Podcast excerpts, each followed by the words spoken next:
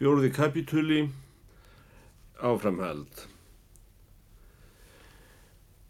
E, Þorður skýrari var mikill maður vexti og fyrirmannlegur. Með þess konar andlit sem hökunni virtist hafa verið þrýst uppi með átæki að neðan. Og yfirtak vellauguðu konganefi sem stemdi ofan í hökuskarðið. Munnurinn var svo vel aftur þegar hann var ekki að halda ræðu að varirnar herfuðust inn á við og sást ekki ytri vör. En á efrivörinni sem var veikastur og lítilfjörlegastur partur á öllum manninum var stutt og ákaflega vel klippt skegg. Hann kipraði saman augun svo þau höfðu líkingu af síu sem lætur ekki allt í gegn. Sem lætur ekki allt í gegn. Uh, hvað þessi skýrara titill Þórðar Kalsins bar í sér vissum við aldrei gjörla í brekkukoti. Nýja hýrstum að vita. Enda sáum við hann aldrei skýra nokkur lifandi mann Sagt var að hann hefði lendt í trúfélögum í Skotlandi og Kanada og gengið þeim á hönd og hefði hann brauð sitt frá þeim. En alla hefur mikill afgangur orðið að því brauði úr því hann hallaði sér að í einu af þeim fáugisti húsum sem verið hafa ókeipis í heiminum á þessari öld og hinni fyrir því. Það hefur sennilega verið í verkarhinga hans að gera orð þess drottins sem trúir baptistum heyrinkunnugt í ættborg sinni. Ekki dettur mér í hug að Eva að hann þórður kallinn hafi talað fyrir Guðlögan umlástur, hafi nokkur maður það kunnað. En slíkur var inblástur hans og upphafning í kenningunni að hann hýrti aldrei hvort þar var maður nær sem hann kendi nema hvað ég hygg ef nokkuð var að hann hafi helst kosið öngvan enda kom vist sjaldan fyrir að hann hefði áheyranda nema ef strákar földu sig í nálegri tunnu til þess að njósna um hvað svo ágætur klerkur meldi af þvílikum guðmóði við öngvan. Ég hafði því mýður horki vit niður þroska og kannski ekki nægilega forvitni heldur til að leita kjarnans í boðskap þóruðar skýrara. Fremur en mér langaði til að botna í postillinu hjá honum afa mínum. Það er og svo að tómlæti mörlandans hefur laungum verið viðbröðið og vera má að Þórður hafi bæði þekkt landa sína vel og verið mikill Íslendingur sjálfur. Því bæri svo til að mann hræða, einn eða fleiri, slöngruðu í áttina til hans þar sem hann stóð einn á auðu torki og var að prétika. Þá snýri hann sér æfinlega undan og síndi háttvirtum þingheimi bakhlutða sinn. Þessa aðferð áleit hann notadríksta ef telja skildi um fyrir Íslandingum. Ég minnist þess. Ég gekk fram hjá honum nýra á plani eitt kvöld í norðan garra og brælu. Þar sem hann var að prétika af samfæringar krafti yfir hjólpurum nokkrum sem um, stóðu þar álengdar á holfi. Hann stappaði niður báðum fótum máli sín til stuðnings og barði biblíuna með hnúum og nefum til staðfestingar kenningu sinni og stóð út úr honum fróðan í ýmsar áttir. Hann meldi í gegn þeirri óvíður kvæmilegu og svívirðilegu aðferð sem fólkin er í því að skýra börn. Það finnst hvergi skrifað í þessari helgu bók, meldi hann og landi bókina. Hvorki með orðin í bókstaf, nýja stríkin í punti, finnst skrifað í helgri bók að skýrð skuli saglaus börn. Hver maður sem heldur fram að það standi nokkuð stóð að skrifa því helgri bók að saglaus börn eigi að skýra. Hann gerir það á sjálf sín ábyrð og tekur afleiðingunum. Þegar Þórður Kallinn, baptisti, hafði gert sína baptiska skildu hér út á Íslandi, þá var það í hans verkarring að fara í Noreg og predika þar um sinn. En það er haft til sannindamerkis um hver Íslendingar og normenn sé ólíkar þjóðir að ekki var þorður postuli fyrstígin á land í Björgvin en að honum þyrptist múur manns að hlýða bóðskap hans. Svo yðurlega var það bjóða út lögreglu eða jafnveg landherr til að varna því að gamalmenni og örfasa fólk væri tróðið undir. Eða flokkar er hófust með og móti þessum sendibóða drottins yrðu hver öðrum að fjörtjóni með æsilegum tilteikum. Aug þeirra litlu presslauna sem Þórður Kallin kann að hafa haft af skotum og kanadamönnum. Fyrir að snúa Íslandingum og normönnum frá barnaskýrn þá hygg ég að baptistinn hafi ekki átt eignir utan biblíur þær sem hann bar sér á baki í strygapóka millir landa. Að minnstakosti vissi engin maður þess dæmi að Þórðurkallin hefði aðra verðauðra undir höndum. Nú kom að þeim degi er skýrarinn skildi reysa burt af Íslandi og fara til Noregs að bóða eld þeim mönnum er í þvísa landi tíðka barna skýrn.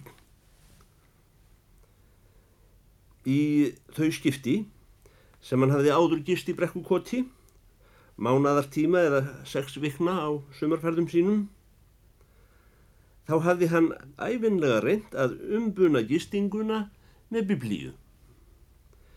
En Björn afi minn jafnan beðist undan slíkri gjöf með því fororði að það væri ekki venja í brekkukoti að hafa dýrgripi af mönnum fyrir að mega sofa.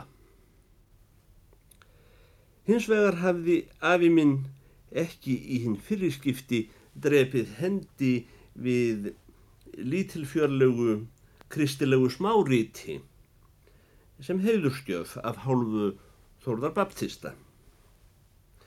En nú var Þórður orðin þreyttur að gefa smágjafir og tók ekki lengur í mál að fara svo á brott að hann skildi eftir minni gjöf en biblíuna.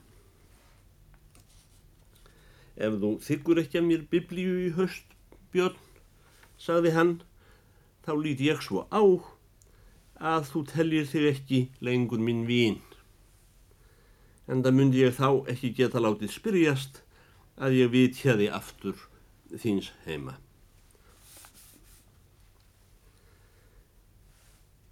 Ég veit ekki hversu eðlar þínar biblíur kunna vera dengur minn, sagði Björn í brekkugoti.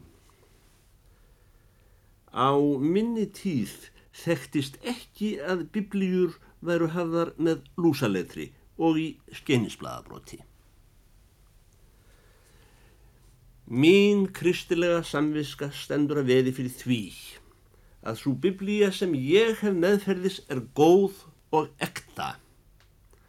löglega prentuð og lastalöst útgefin eftir frummálunum af biblíufélaginu í London.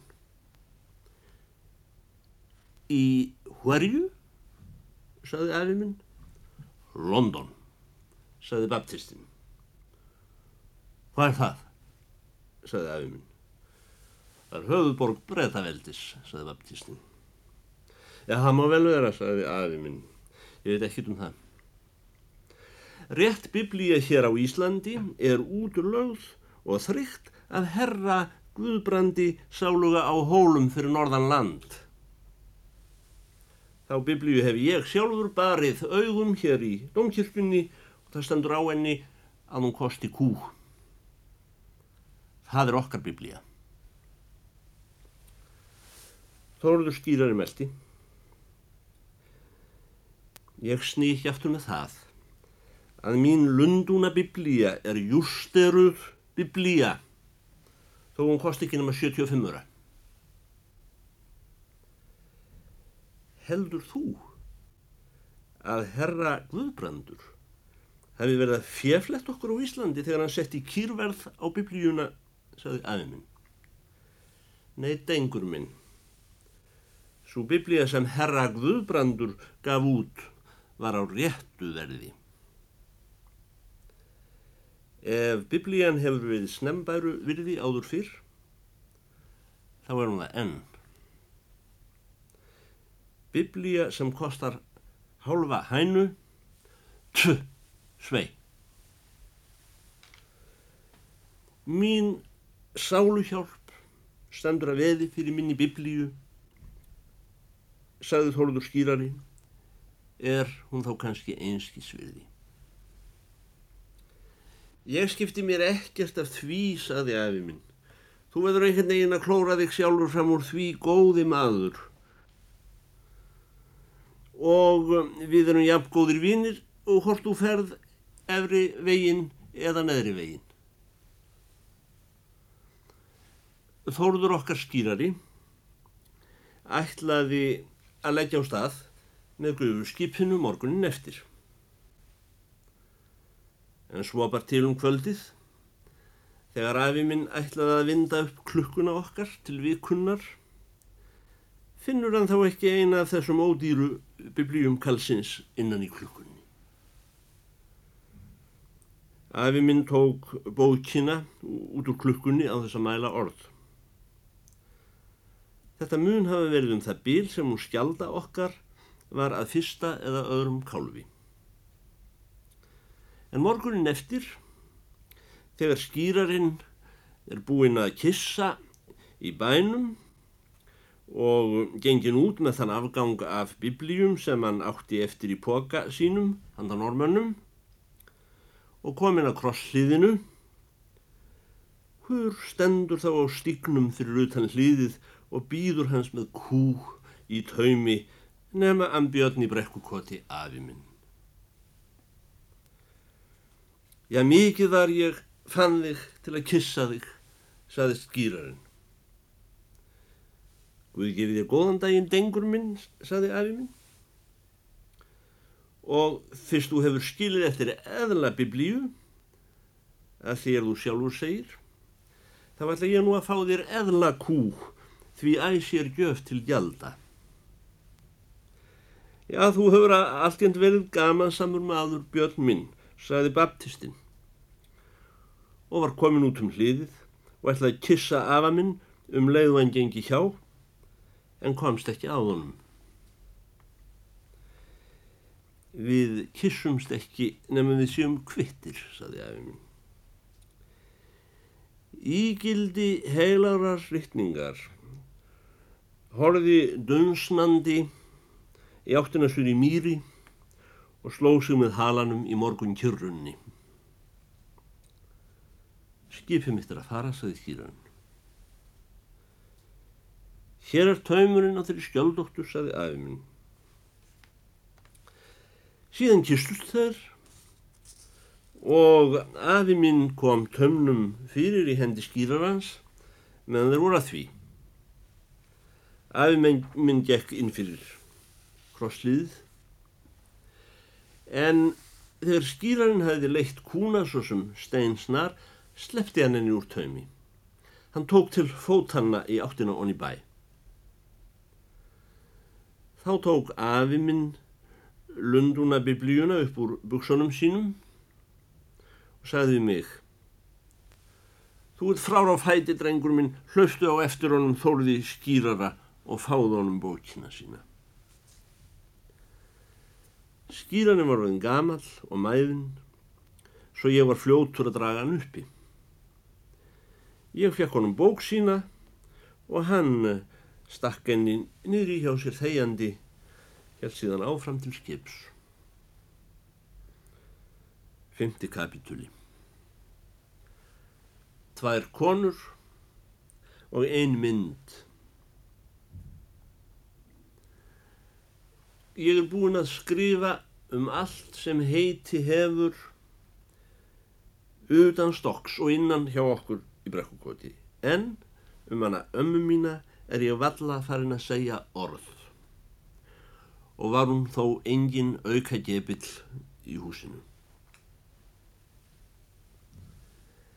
Væri enni hins vega líkt við hjarta húsins, mætti segja um hana svipað og um, um heilbrið hjörtu yfir leitt að hver sem slíkt hjarta ber í brjósti veit ekki til að hann hafi hjarta. En úr því þar er komið sögu að fólki hefur æjofan í æ verið bóðið til stofu í brekkukoti þá held ég mál sér til komið að nefna forgangskonuna þó í litlu verði. Ég segi þó í litlu verði, því ég þekkti aldrei konuna.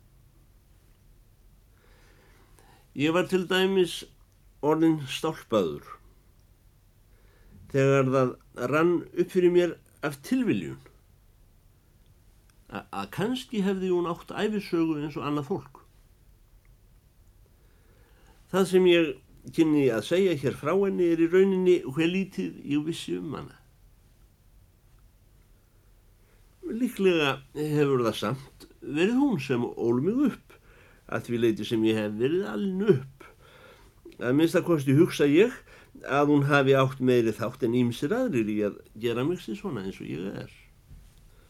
En það var ekki fyrir eftir að ég varð rostinn að ég tók eftir henni svo mér fannst ég sæja hana. Mér fannst blátt áfram einn góðan veðurdag að hún stæði mér kannski næst af öllum munnum. Þó ég vissi færra um hana en aðra menn og hún hefði nú leið í gröfsinni um hríð. Það er annað en gaman að ætla að fara að tala um mannesku sem maður veit svona lítið um en er manni þó svona ákomin.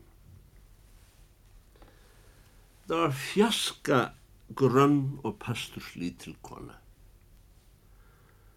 Hún mun samt, þegar ég kynntist henni fyrst, hafa verið á aldurskeiði sem flestum mönnum er um megn að ná, þó þeir séu annálaðir fyrir afl og hristi.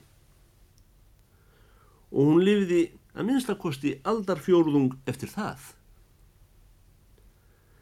Ég man ekki eftir henni öðruvísi en lotinni og, og tannlausri með daldinn hósta og rauða hvarma af að standa fyrir framann opnar hlóðir í eldúsreiknum í brekkukoti. En það ráður í öðrum kotum sem ég kann ekki að nefna. Það kann að hafa verið dálítið sót í rukkonum í andliti hennar stundum og, og hún tínar óskulítið með höfðinu þegar hún horfir ámann þessum mildu augum. Hendurnar á henni voru langar og beina beðrar. Amma mín átti frengu sem hefur líklega verið hálfum öðrum áratug yngri þó hún eldist fyrr og endist ver og það var hún Kristín í ringjarabænum. Ráðskonan gamla ringjarans á luga. Upp á hæðinni í kirkjugarðs endanum, nýrst. Einu sinni sem oftar fórum við amma mín að hitta hana, Kristínu sálugur, ringjarkonu. Leiðin likur um kirkjugarðin. Það var á þeim tíma árs þegar flugurnar eh, voru í essinu sínu.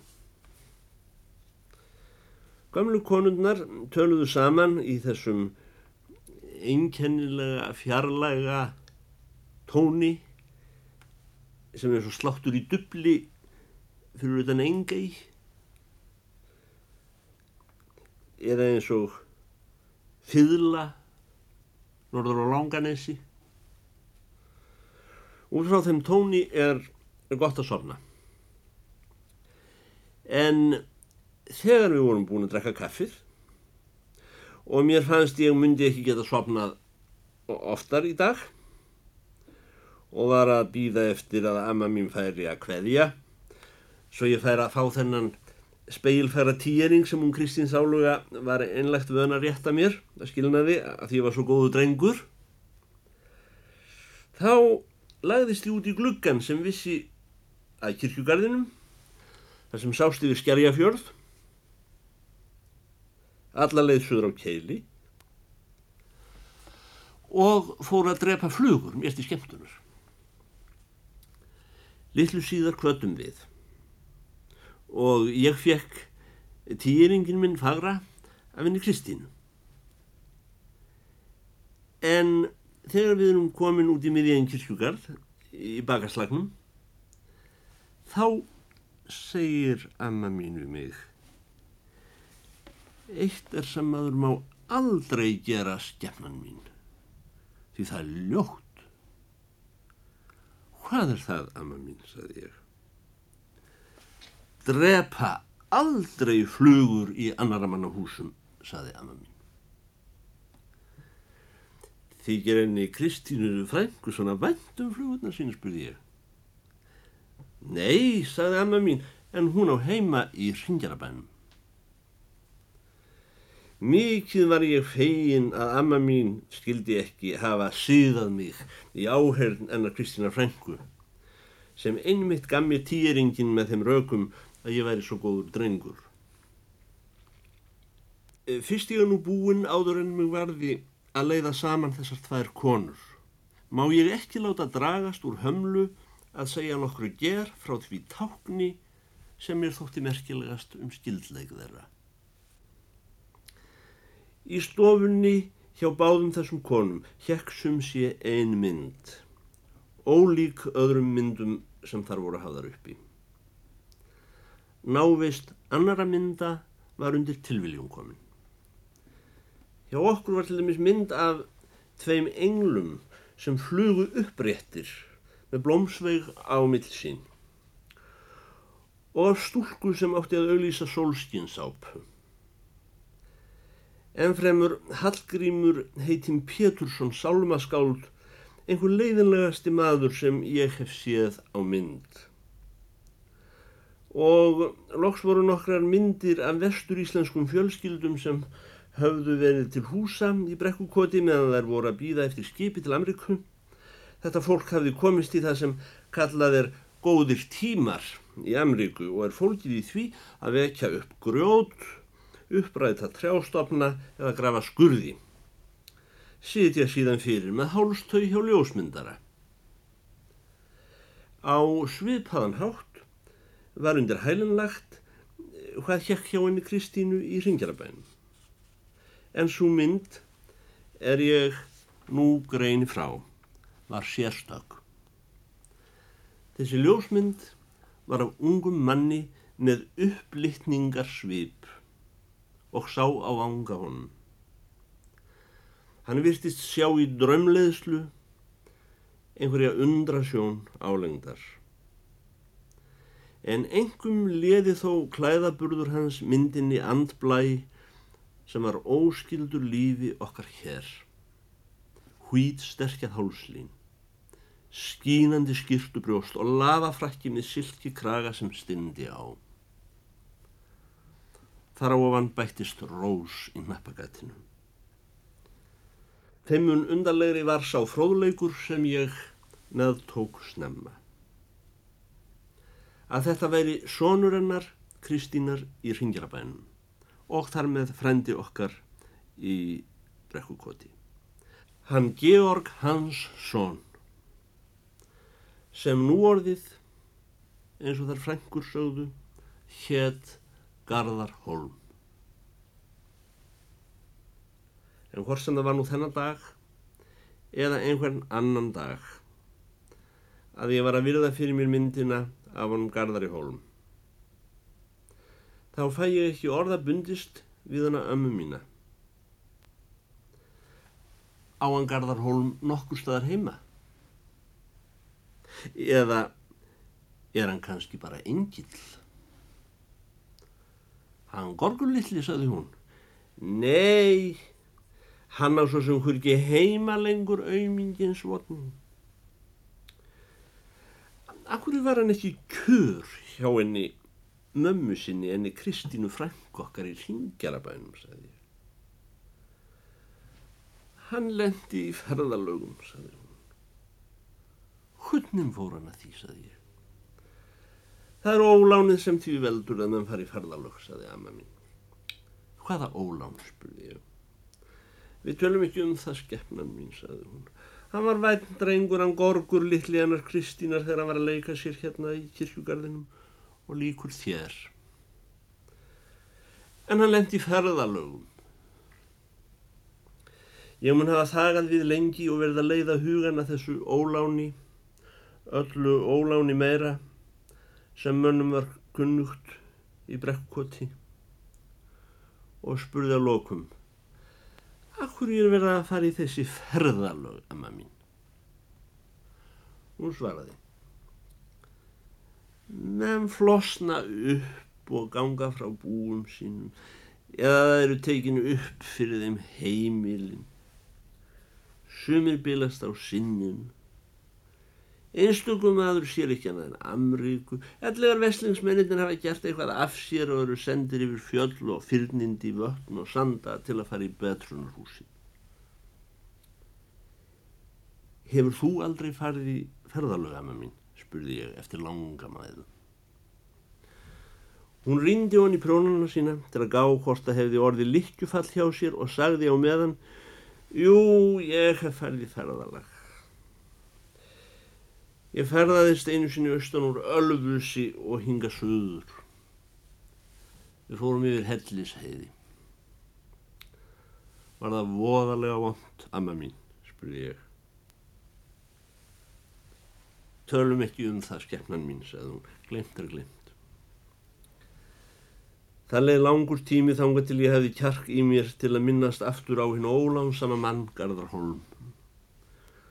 Þó kom þar að ég segi einhvern tíma svo sem einslega við hana Kristínu Frank okkar í Ringirabænum Akkur ég ætlan Garðar Holm sé alltaf í ferðalögum?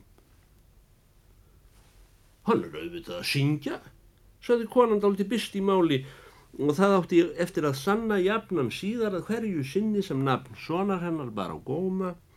Þá var hún eins og hún bríðist reyð við. Og þó að ég meir en Yrði hissa á slíku svari? Þorði ég lengi vel ekki að rekast mér í þessu en helt áfram að stara lotningar fullur á myndina. Veist ekki að söngur er það sem göfugastar til á jörðinni, spurði konan. Jafn önu og áður. Getur hann sungið hátt, spurði ég. Hvað heldur þú bara, sagði konan. Engin Íslendingur kemst jafn hátt upp en hann kemst líka djúpt niður. Þarna í hodninu stendur orgelin hans gamla og hér er týringurinn þinn. Vendu þig svo ekki á að spyrja um það sem þú hvorki hefur vit á nýðið verðar um. Ég hlakkaði til þegar mér glætist svo viska að ég er í talin þess verður að lendardómar veru raktir fyrir mér. En meðan svo var enn ekki held ég áfram að sísla í þöngunum með þetta erfiða mál.